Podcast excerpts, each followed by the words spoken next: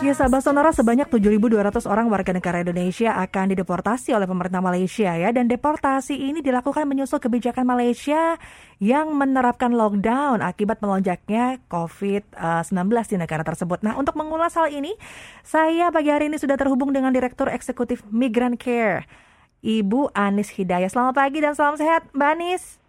Selamat pagi. Apa kabar? Sehat ya? Baik, saya koreksi jabatan saya dulu ya. Baik, boleh. Ya, saya Ketua Pusat Studi Migrasi Migran Care. Ketua Pusat Studi Migrasi Migran Care, Mbak Anis. Terima kasih waktunya berbincang dengan Sonora pada pagi hari ya. ini. Ya, pada pagi hari ini pembahasan kita adalah mengenai kepulangan um, WNI 7.200 nih. Sejauh mana kesiapan pemerintah mengawal kepulangan mereka nih menurut pengamatan Migran Care sendiri? Ya, isu terbaru um, isu terbaru yang kami uh, terima adalah uh, Malaysia sama sekali tidak mau menanggung uh, biaya ya. Ya. Uh, awalnya kan um, apa uh, saweran antara pemerintah Indonesia dan Malaysia mm -hmm. gitu dan itu sudah disepakati gitu. Jadi 50-50 mm -hmm. gitu karena dalam uh, koridor hukum internasional deportasi yang dilakukan oleh satu negara itu harus menanggung biaya kepulangan mereka yang dideportasi gitu. Jadi yeah. itu itu itu sesuai dengan koridor hukum internasional. Tetapi mm -hmm. Malaysia kan tidak melakukan itu karena ini uh, dalam situasi uh, lockdown di negara itu gitu. Sehingga mm -hmm. kemudian uh, pemerintah uh, bersedia gitu menanggung sebagian biaya itu gitu. Tetapi uh, kabar terakhir uh, justru Malaysia sama sekali tidak mau uh, mengambil peran untuk berkontribusi bagaimana men um, apa me, me, um, mengalokasikan anggaran uh, negara itu untuk uh, pemulangan uh, deportan uh, kita gitu. Jadi yeah. itu juga uh, satu isu gitu. Sementara uh, pemerintah saya kira juga belum siap gitu ya untuk uh, memulangkan dengan seluruh dari biaya kita. Itu satu isu. Di, di sisi yang lain saya yeah. kira uh, banyak hal yang perlu dipersiapkan oleh pemerintah karena ini situasinya situasi tidak biasa, situasi ya. pandemi. Uh, uh, Malaysia lockdown, pemerintah Indonesia sendiri sekarang juga sedang fight gitu bagaimana menangani situasi pandemi di dalam negeri sehingga banyak hal yang perlu dipersiapkan.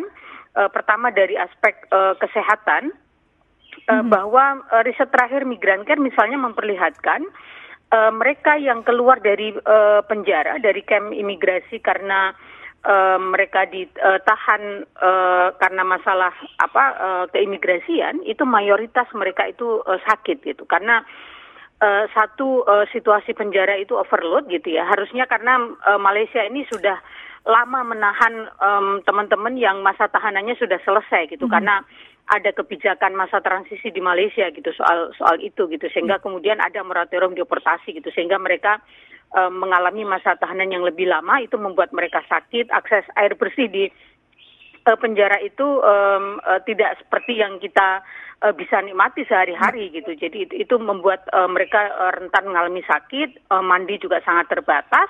Sehari sekali itu sudah uh, sudah bagus gitu. Bahkan uh, jarang yang uh, apa uh, bisa mandi. Kemudian makanan juga uh, kurang layak uh, tidur di lantai segala macam gitu. Sehingga banyak uh, korban deportasi yang selama ini kami uh, pantau, kami tangani itu uh, mengalami sakit gitu, sehingga ini juga harus menjadi perhatian khusus uh, pemerintah selain soal prokes, bagaimana memastikan uh, karantina mereka ketika mereka sampai di dalam negeri gitu ya, karena kan ada beberapa titik gitu, betul, betul. Uh, pemulangan gitu. Iya, Mbak Anies, tadi kita bicara hmm. mengenai isu biaya.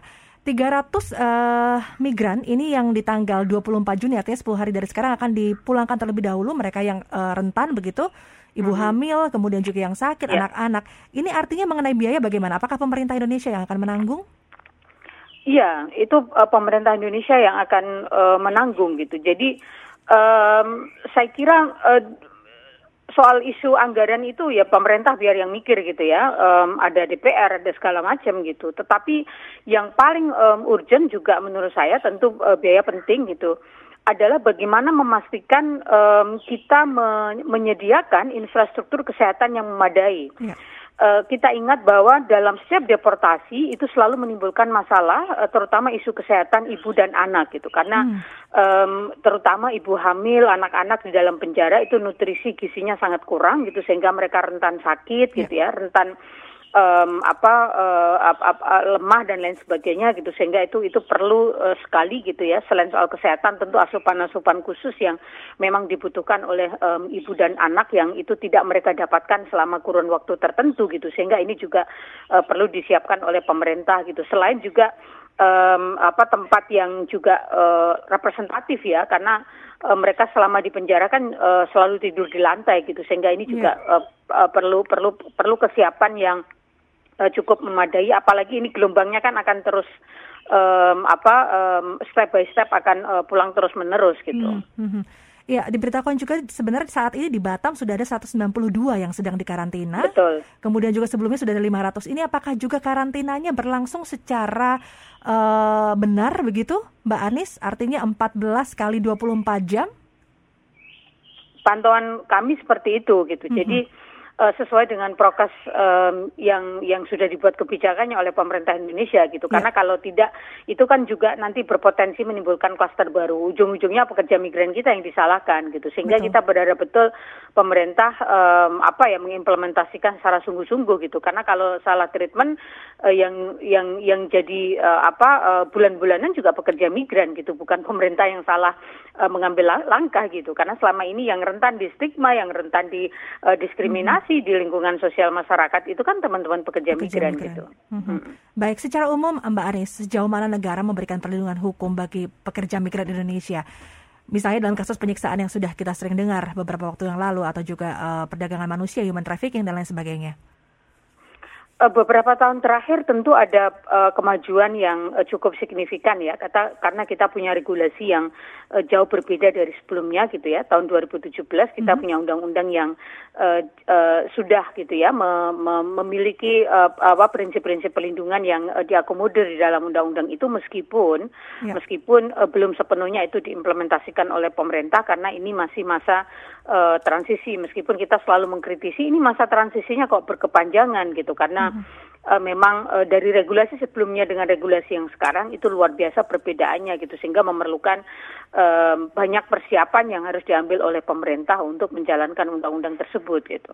Mhm, mhm. Terakhir saran Anda Mbak Anies kepada pemerintah mengenai kepulangan uh, tenaga migran lumayan banyak ini ya ribuan betul begitu. betul silakan uh, menurut saya um, apa ya uh, kita sebagai bagian dari masyarakat sipil akan uh, terus mendorong uh, memantau gitu pemerintah untuk uh, terus gitu ya jalan maju gitu jangan mundur hmm. sama sekali meskipun Malaysia uh, kita selalu tahu gitu Malaysia itu selalu sulit gitu ya untuk uh, memastikan ini berjalan secara baik dengan prinsip-prinsip penghormatan hak asasi manusia dan keadilan gender uh, dan uh, saya berharap pemerintah juga mengajak masyarakat sipil untuk melakukan konsultasi gitu ya urun rembuk bagian-bagian uh, mana yang kira-kira uh, kita bisa berpartisipasi bagian mana yang kita ya. perlu uh, berikan masukan gitu ya karena selama ini konsultasinya baru berlangsung antar pemerintah dan DPR gitu sama sekali belum mengajak masyarakat untuk bicara gitu padahal undang-undang kita memandatkan bahwa uh, masyarakat sipil gitu yeah. uh, menjadi juga bagian untuk bagaimana memastikan